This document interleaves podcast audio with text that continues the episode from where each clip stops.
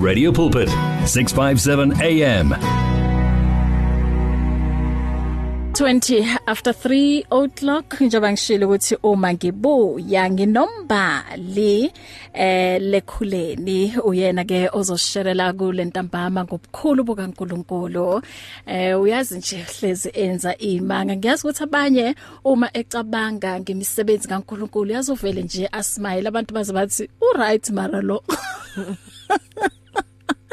Ingoba ugcwele injabulo um uyazi nje Hey Mbali Hi. Uyazi ngifuna nje ukulikhuluma udaba lwakho. Ngifuna ukuthi kube uwena nje olikhulumayo udaba lwakho. Sawubona. Sawubona sis. Unjani? Ngiyaphila njani Ngiyaphila Ngiyayizwa le voice ukuthi ivoice yabantu abaculayo Yeah Yazi ama voice abantu abacula ngathi nje anokushanyana yabo umuntu makhuluma naleyo voice wazi ukuthi noma ngakahlabeleli uyazi nje ukuthi hayi lo uyacula mbali um yeah. before sizokhuluma okuningi yeah. mhlawumbe abanye banokukubona ko um mabona kude yeah. and ngiye ngachaza ngathi hayi lo sisi lokuyahlabelela mm. kamnandi lapha kule group ethandwa kakhulu mm. eMzansi Joyous mm. Celebration ingoma ke aba oyileadayo iyipi and ku Joyous bani um Well, I joined the Joyous from Joyous 22. Okay. So now we on Joyous 24. So from Just 22 I had a song ethi akakho qha. Umhlobo njengo Jesu nje akekho. Akakho qha. Oh, uyena lo sisi lo. Yeah. Hayi man mbali man. and then yeah, I did umoya engcwele ku Joyous 23. Yeah. And then ku Joyous 24 I did Lina Mandla. Leligama. Oh. Wow. Siyabonga ukuthi sibe nawe kule ntambama la ekhaya. Eh ungababingelela kuzo zonke nje indawo labalalele khona. Ngiyababingelela abalaleli bonke be Radio Pulpit emakhaya nalabo abadrivayo and those who are listening online as well. Mhm. Yeah, ngiyababulisa nje bonke egameni elihle kaJesu Kristu. Amen. Amen. Asiqale ke le em indaba kaMbali em umbali ukhulela kuphi umbali bokuyingane enjani ekhula Um umbali ukhulela eTsakane eTsakane that is in Brakpan la eJoburg Eastrand yes Eastrand ekuruleni ekuruleni yes. Yes. Bathi the land of the wise. Yeah. Mm, mm. so umbali ukhulela lapho. Um well umbali as a child ukhulisa umama nogogo. And yeah i have three siblings. So si four si four ekhaya. Mm. And then um ekukhuleni ke umbali um um she experienced a lot you know those who are my friends on social media they they know Mm. um i talk about it a lot Mm. so umbali experienced a lot as ingane um from the age of I think from the age of 7 until 12 I was molested ngahlukunyezwa Mm. ilunga lomndeni Mm. um well ekungihlukumezeni kwakhe angisho kuhlukumeza kuyahluka yeah yeah um mm, mm. so ukungihlukumeza kwakhe um he didn't really penetrate me Mm. but begeza nje every night um azongibamba and would make me do things to kuyena Hmm. you know and naloko ke kuyahlukumeza ingane Mm. you know? And yeah nanokuthi nje it wasn't really umndeni ndeni kuyabona ukuthi nabantu abamnyama so umama uma eshadile uhamba nengane yakhe. Yeah. Yes so so nasami story sinjalo my mom uthathe mina ngingane yakhe sahamba saya kulomndeni okowakhe but not mine. La shadele la shadele khona and then yeah that's when ubhuti ke lo umntana auntie athola ichance ukuthi ayenze whatever that he wanted to do to me so because yena u u- how old ngaleso sikhathi? He's older than me. He's older than because besasiqedile nesikolo. And wena usasesikoleni? And then I said I'm still a baby. I am I'm 7 you know? Mm. um yena besaqedile nesikolo. So he was old enough ukwazi ukuthi lento ayenzayo yeah. you know? Mm. yeah.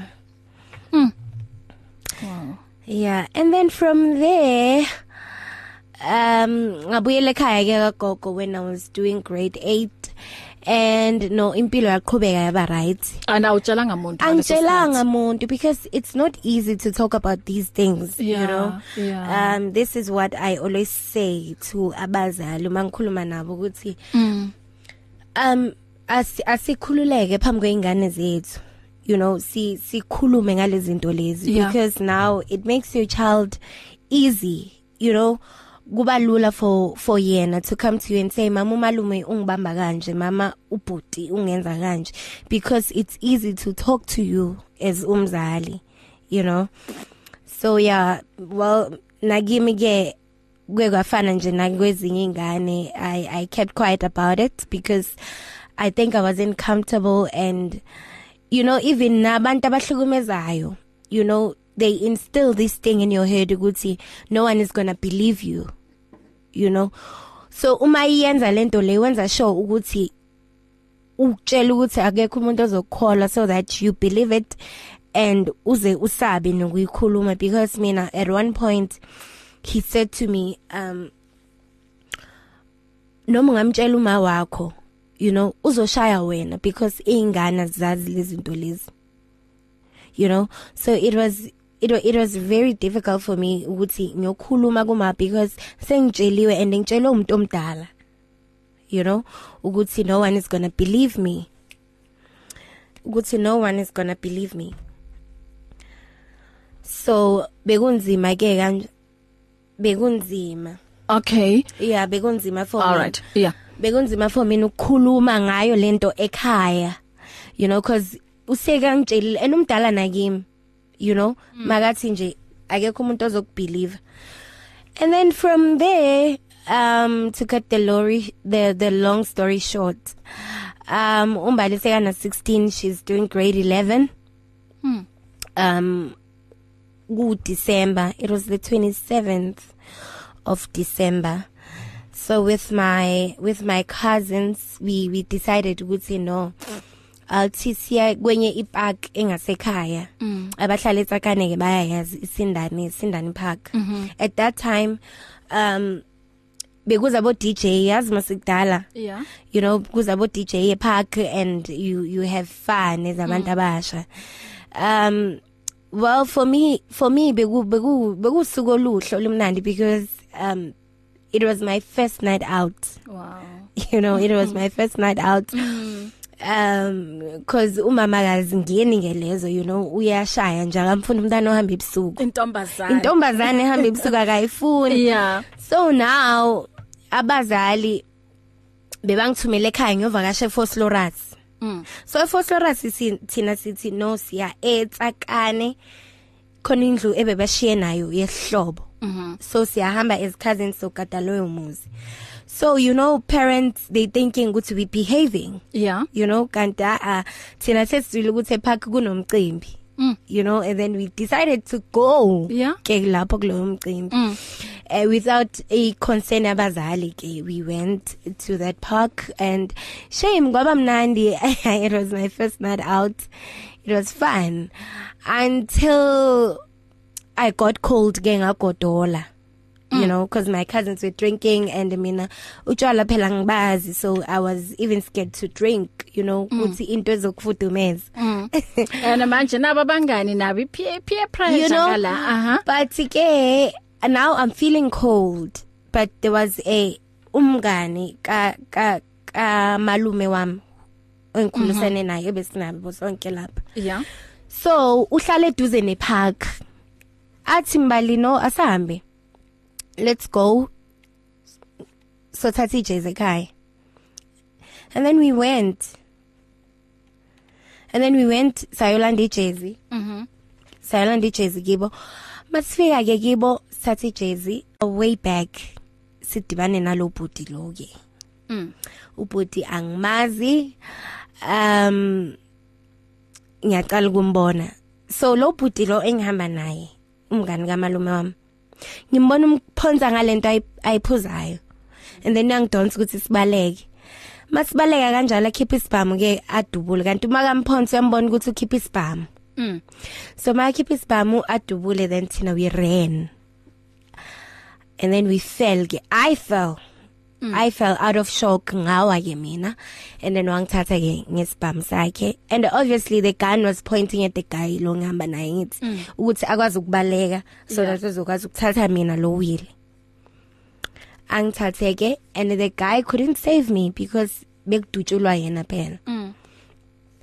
angithathe ke athi awukwazi ukuscreama. You don't scream you don't do anything because if you scream usibonile sasebenza ngizokudubula ke ngaso hmm. and then i just kept quiet and sahamba sahamba and then wangijumpisa omunye umuzi and lo muzi lo cabanga ungasekhaya mm. imagine mm. angijumpisa lapho kuloyo muzi ngaphandle asifika lapho um wakhumula he was wearing a jacket wakhumula ijacket yakhe wayindlala phansi and then he said to me um khumula ngakhumula and you know he raped me for kokuqala because he raped me guy too that night. He raped me kokuqala.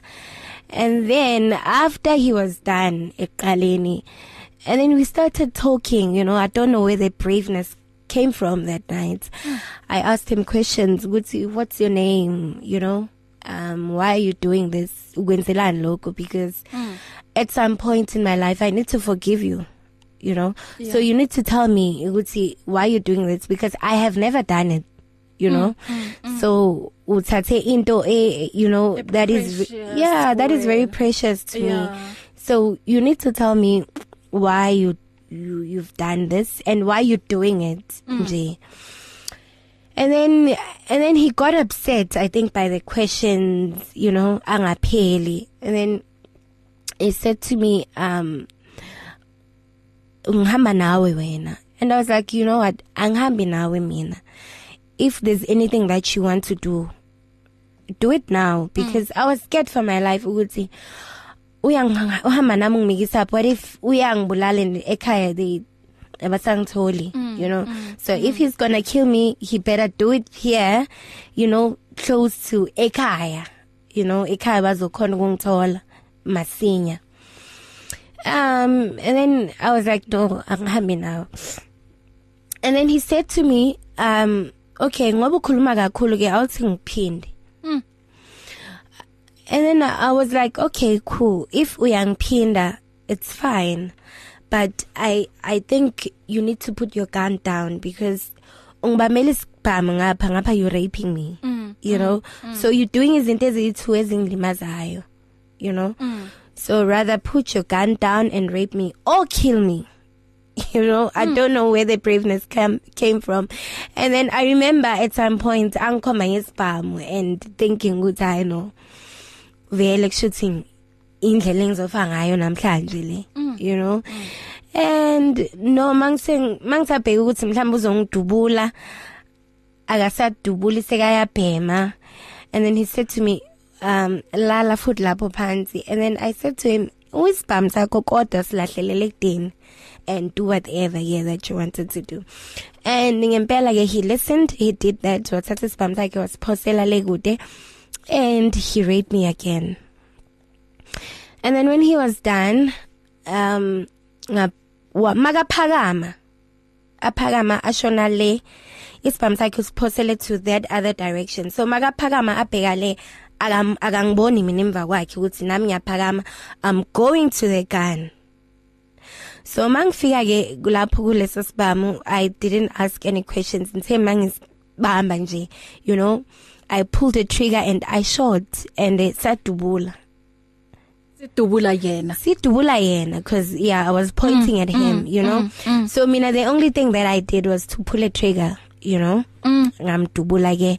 So so the gun was prepared either for me or for him mm. you know? So unfortunately at this matter it was him you know? Mm. cuz mina I was 16 I didn't know anything. Bengiqala nje kusibona futhi nje isibhamu. Nesibhamu boqala nokusibamba that night. But the only sure. thing that I had to do was just to pull a trigger. And mangimdubula ke uqala and he came towards me fighting ukuthi um ufuna ukungilwisa you know ufuna ukungilwisa.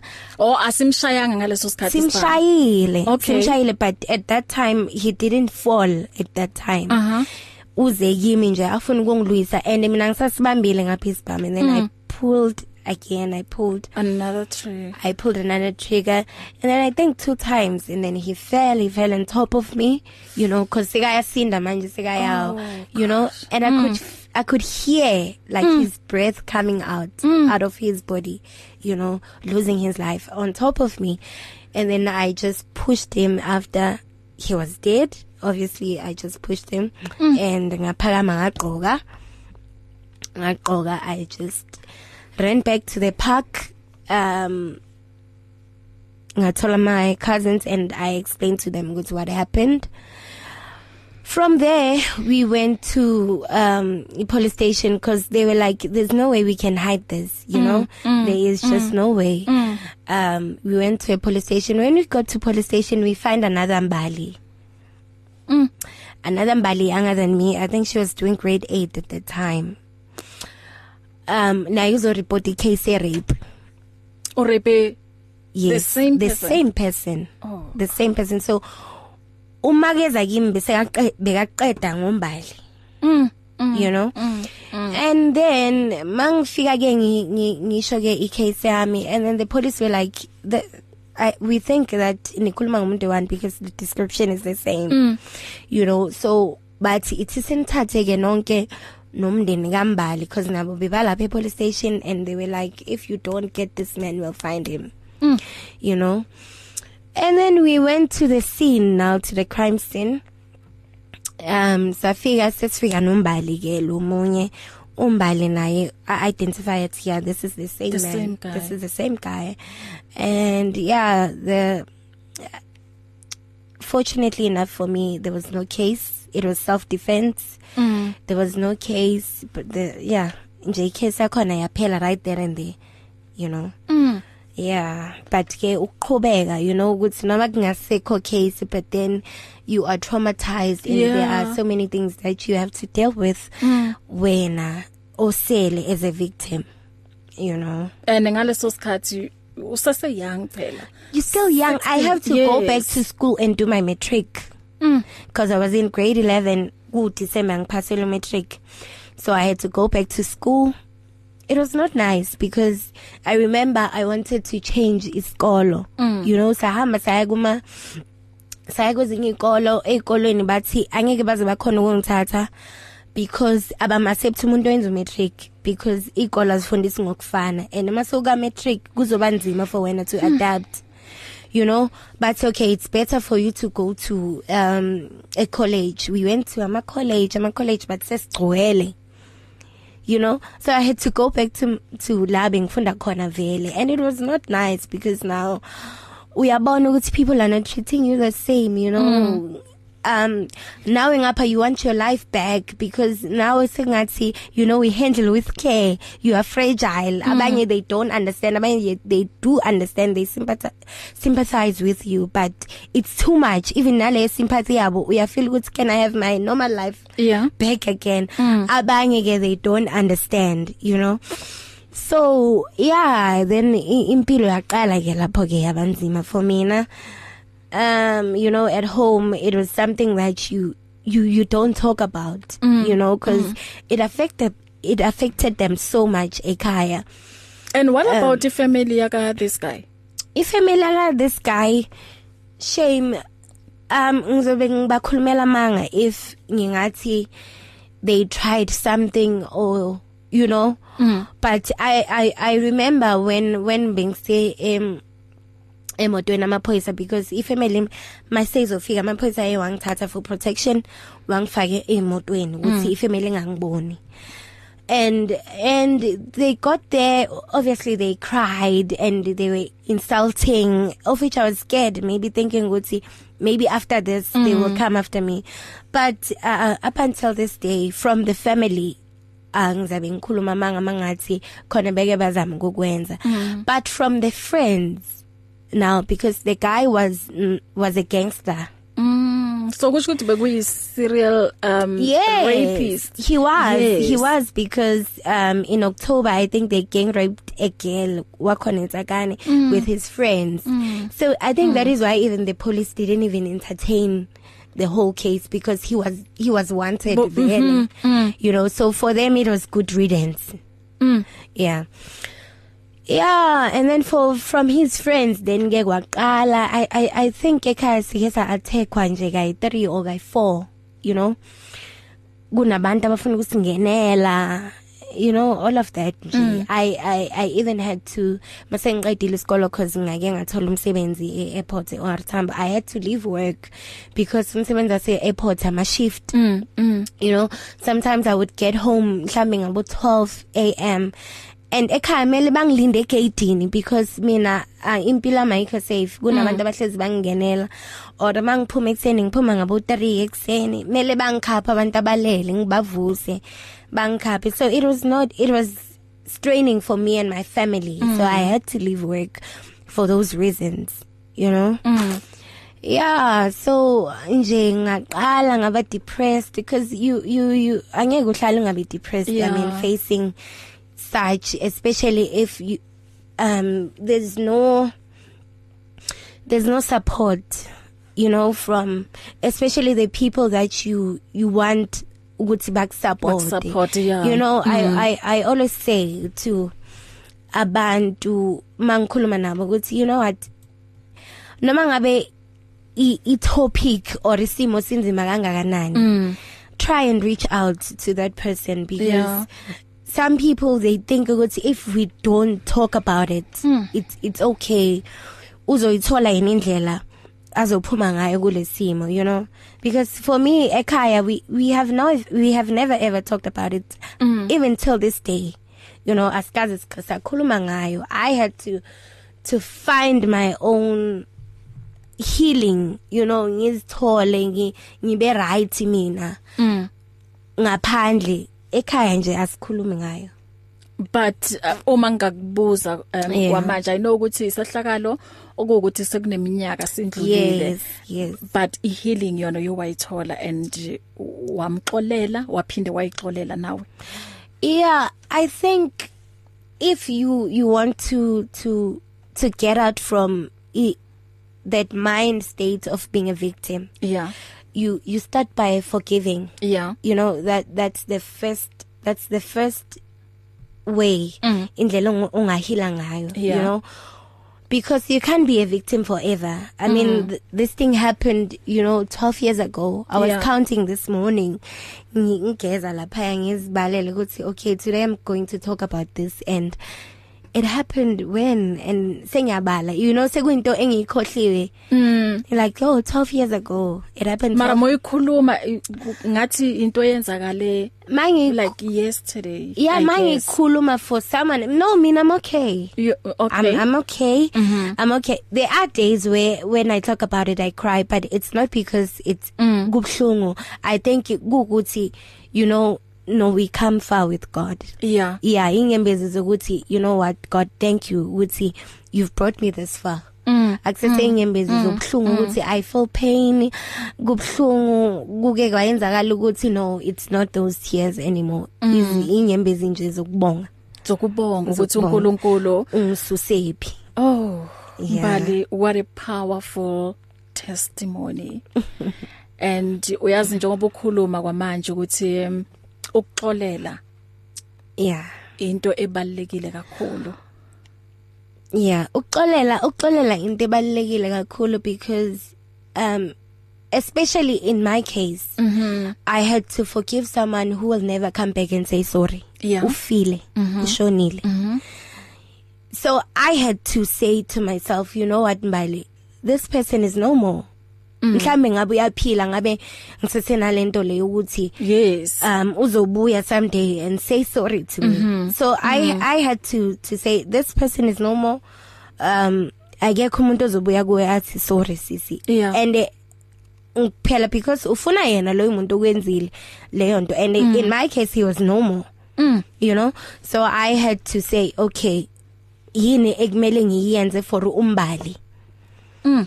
And I had to forgive him. I had to forgive yes myself for yes. being in that situation, mm -hmm. you know. Um cuz I wasn't supposed to be there. you know mm. from the first place but I was there mm. and and and as you grow you realize ukuthi ezinye izinto kuyihlelo mhlambe it's it's your journey yeah. you know kuyizinto kumele undlule kuzo ukuthi nawe ngelinye ilanga uzoletha ubufakazi yes and naku sinawe namuhla. And ngiyazi ukuthi uma ukhuluma kanje mbali kukhona uh, women out there. Kukhona um um amantombazana asakhula. Okuthi babhekana nalesimo ubhekane naso. Njengoba usho uthi um sometimes emakhaya akusi akusizinto ukuthi bakhul bayakhululeka ukukhuluma ngazo. Ukhona omunye usayibambile lemfihlo even namanje. Ukhula nayo.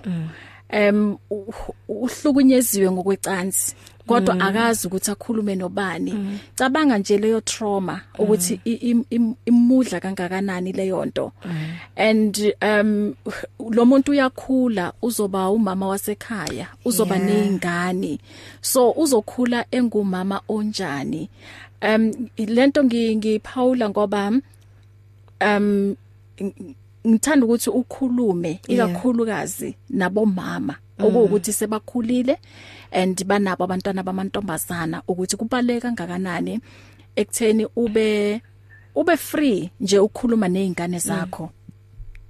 Yazi thina futhi especially thina abantu abamnyama uma singaqala ekutheni sisuse nje lento ukuthi ihlazo lasekhaya liyafihlwa. Yeah. Because lento ikhona and okubhlungu ukuthi ikhona kakhulu emakhaya. Yeah.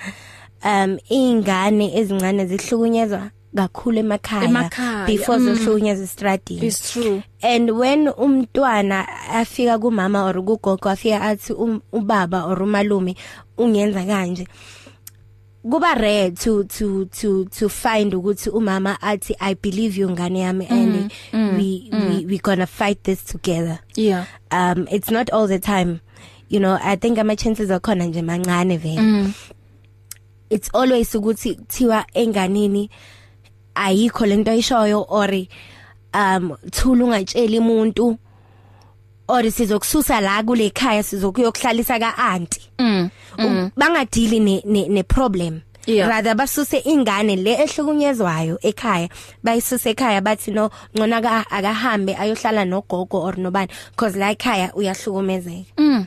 You know and not deal with the situation. Mm. so um yeah I, I I would really really really love love ukuthi sime nezingane zethu especially thina bomama. Yeah. Um sime nje nezingane zethu ukuthi umkhole umntwana mayafika kuwe athi umalume ubaba ubhuti uyangihlukumeza ungibamba kanje.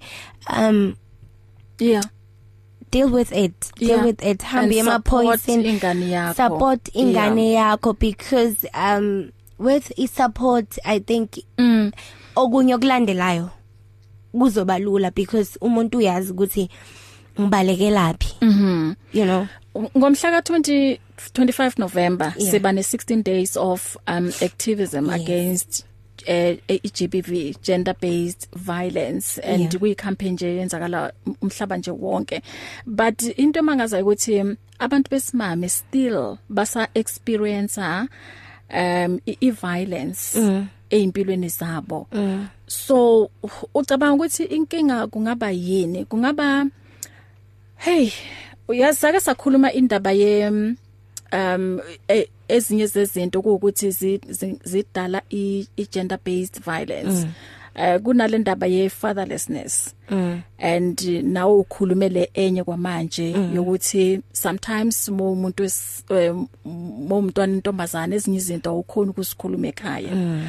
Um and manje into ebhlungu ukuthi eh, it seems lento ngathi angazi ukuthi ngaxazululwa kanjani. Because kuna this young man okhula okuwukuthi une pain. Yeah. Yokukhula uh, anganabo abazali bakhe bobabili. Mm. and kuna this lady or this young girl okhula naye une pain. Mm. uyibambile ngaphakathi kuyena uhlukumeziwe sexually. Akekho umuntu angakhuluma naye. Mm. so cabanga ukuthi uma bahlangana labantu abayi2 kuzokwenzakalani? So uyabona ukuthi still kusese enye futhi iGBV yeah. These two people are hurt mm. lo hete okwakhe nalo uhete okwakhe. Mm. so mbali lento wena moyibukile ngaxazuleka kanjani? Sikhona isixazululo? And nanokuthi uqeda ukuthi we we siba ne 16 days of activism ne? Yeah. Um of which I'm in support of it but ngiphinde ngithi mina um this is a pandemic. Yeah um we we cannot give it 16 days mm. and say kuba khona sikwenzayo kule 16 days i don't know if you get me mm. um mm. it's a pandemic esiphila nayo yeah.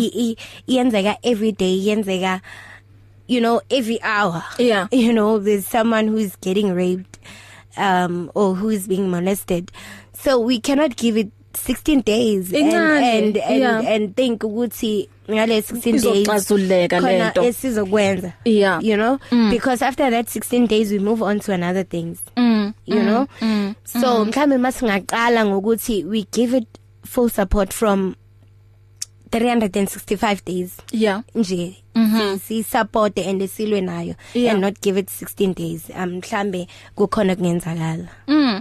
And ucwaningo liyasho la ukuthi um um kule lockdown besikuyona mm. uyazi ukuthi wa first week ye lockdown iyodwa nje. Kunama cases are reportilwe are more than mm. 2300 mm. I remember when when the lockdown started I posted on my on my on my social media and ngathi I feel sorry for those who are going to be locked down with their Ish. you know with their abusers because mm, mm, mm. um i lockdown is real and i lockdown kusho ukuthi nivaleleke emakhaya yebo and abanye sadly bavaleleka nalabantu ababahlukumeza mm cabanga umuntu bekaloku for instance um lesigameko sakho sokuqala uhlala naloyo muntu endlini nawazi ukuthi ukhulume nobani lo muntu ukusabisile ukuthi mongakhuluma nje wena ngizokubulala mm.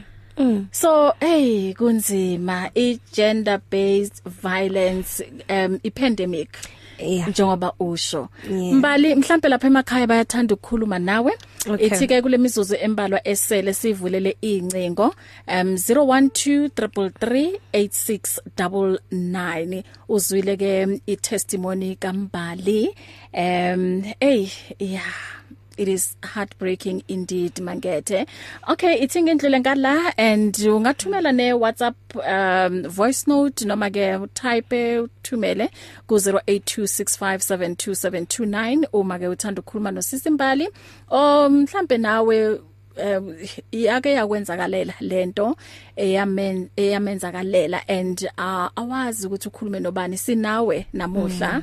and ku and kuhle ukuthi ukhulume nomuntu ukuthi uya relate nalento obuya kuyona ngoba sometimes abantu banokuthi bajudge bathi okay wena bo bofunani ebusuku? Mm. uyazi ukuthi intombazana ayihambe ebusuku obugqoke kanjani wena ukuze uh, attract ke em labantu yabona izinto ezinjalo? So uma ukhuluma nomuntu o understandayo um azange wena mbali noma kuukuthi boyoganga kodwa Yeah. azange uzise kulomuntu wathi ng- ngithathe and then ung- ungihlukumeze. Uyayibona? Okay ithi sindlule ngala uma sibuya ke ngizo ngino plus minus 5 minutes ukuthi ngithatha ama calls wakho so kungaba kuhle ukuthi eh ushaye masinya nje uma ngibuya eh kuleyo nda- eh, number 0123338699 With the truth, the light, and the life. 657 AM. At Radio Pulpit, we love the interaction we have with our listeners on all the social media platforms. It is also our way of giving everyone a voice that can be heard all over the world. Unfortunately, we have been experiencing huge difficulties with WhatsApp for a while now, and we are now forced to find a viable alternative. That alternative is called Telegram. Telegram is an app that works exactly the same as WhatsApp, and it uses the same telephone number as well.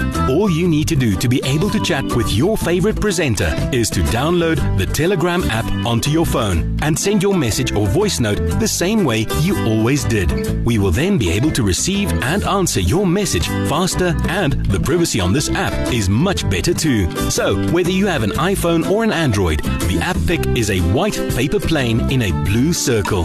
Please download the Telegram app right away and make life easier for everyone. Do you want to grow your business sales? Do you know that you can advertise on Radio Pulpit, Radio Pulpit website, the Word for Today magazine, and the Word for You Today magazine at the ridiculously low prices? Yes, you can indeed.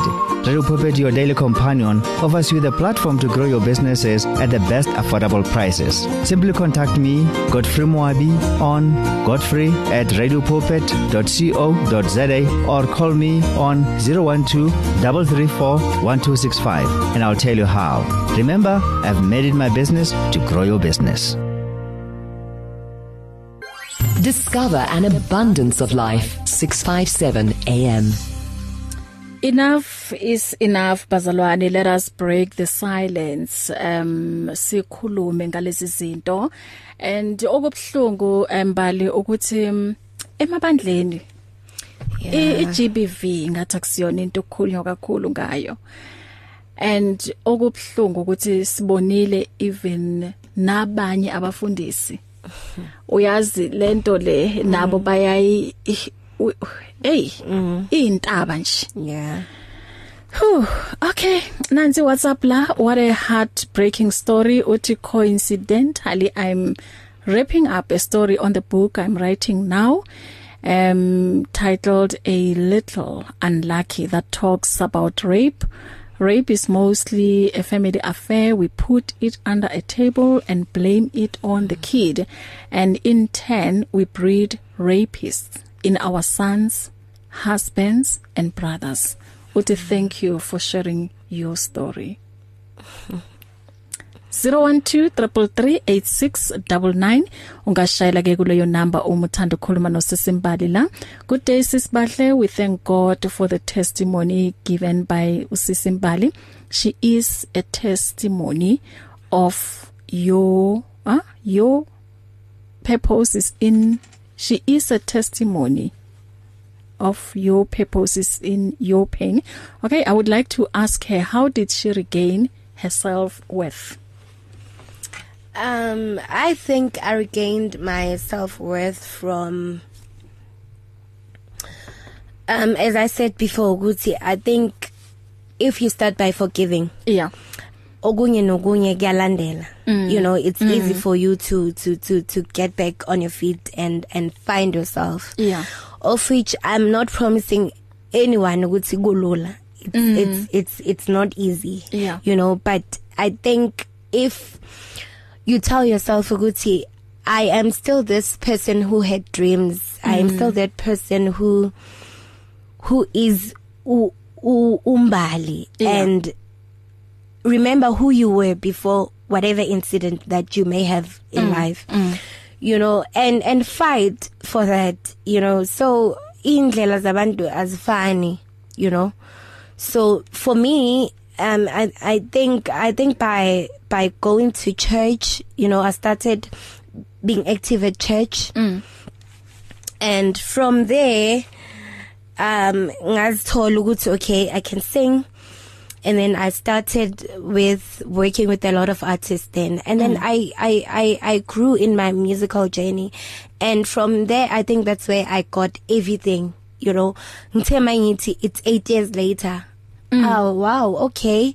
Um, and bear in mind that I have never ever had counseling. Mm. So yiko ngithi indlela zabantu azifani mhlawumbe abanye abantu they would go to counseling and ibasize mm. you know mm. Mm. and you know wonke lama steps abazowathatha ku counseling and they will help them but for me I think by by doing what I love yeah you know that's where I got my total healing and I regained my self-worth and everything Mm. Yeah. And umbali kwamanje she's happy umbali kwamanje eh ungu Mrs.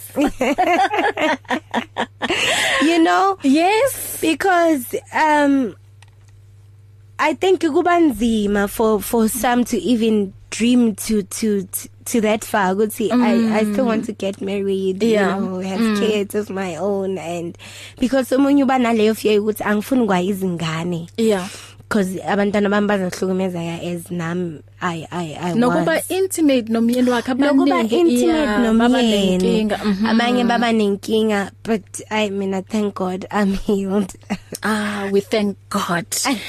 um oh bahle sihlukunyeziwe singabomama namantombazane ethu andlula lapho uthi umoya oyingcwele asisize. yebo Mbali thank you so much ukuthi ushare i-testimony yakho nathi and ngokuyishare kwakho i know ukuthi abaningi bazosizakala and abaningi bazobona ukuthi um uzilimaza wena uma kuyinto ukuthi iyenzakele and awuwazi ukukhuluma ngayo. Eh kodwa nje obusho ukuthi asazi ukuthi kusuka kwenzakalani kuyena em ngaleso sikhathi. Kodwa ngiyabonga ukuthi uyazi nje uye wa wavula nje inhliziyo yakho wathi ngizoyikhuluma lento and kungezinye zezi zeindlela zokuyilwisa i-gender based um violence. And siyambonga no Babulu Kheleni um ukuthi nje um abe khona to support you eh abe ngumsisi nje wakho abe ngumngani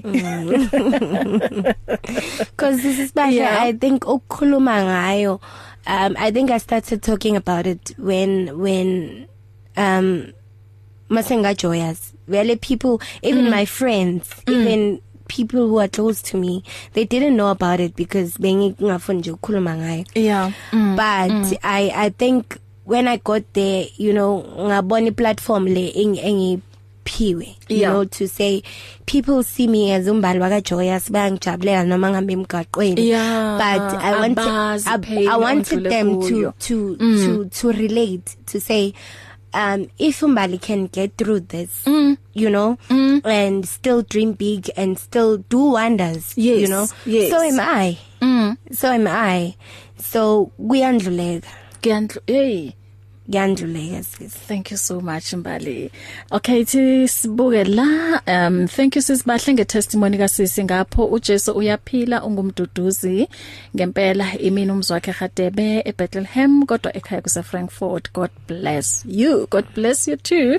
Eh buti mzwakhe amazwi akho okugcina and eh, mhlawumbe ungashare ne contact social media yonke lento. okay mm -hmm. Well amazwi ami okugcina ke engihlezi ngiwakhuthaza engikhuthaza ngawo ukuthi um don't keep quiet. Don't keep quiet. Thola umuntu ongakusiza. Um if umndeni a- awukhona ukukhuluma nawo uh, go to police station. They will help you.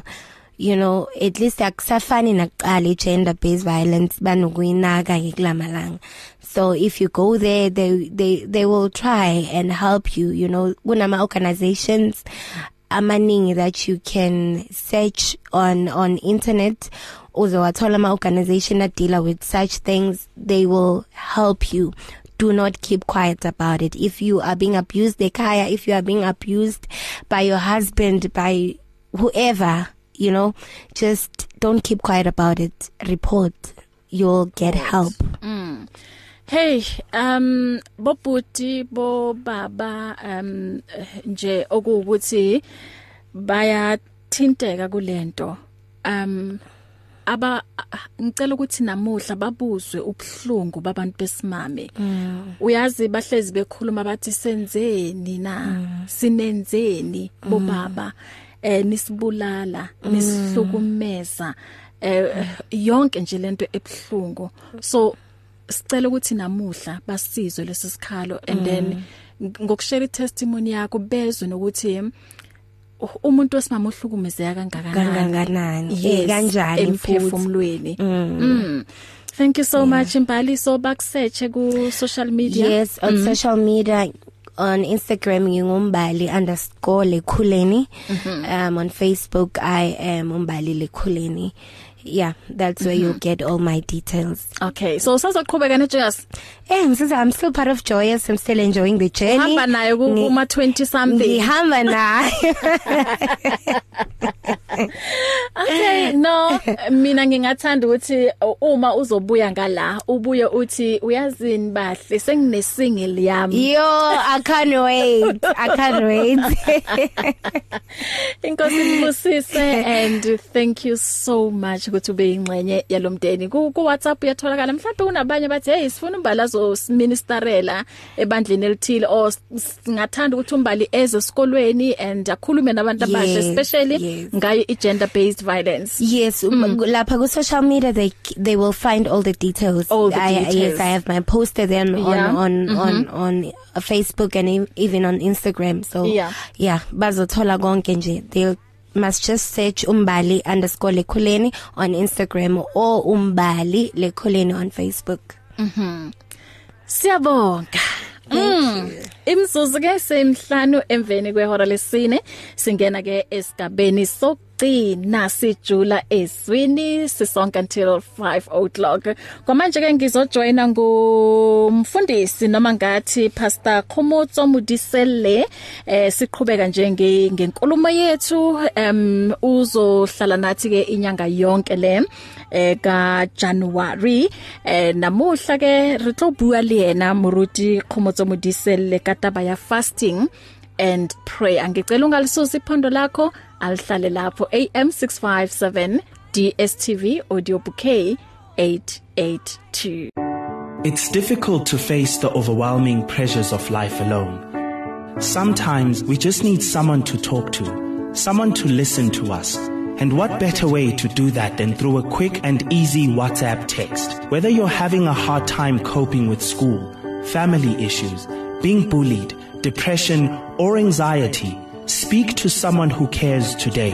Send a WhatsApp message to 064 530 6805 or 074 995 9085. Our I Am Youth Counseling team, Charles Dudoy and Danny Vambili, are ready to connect with you today. Become active. Active in faith. 657 AM. 657 AM.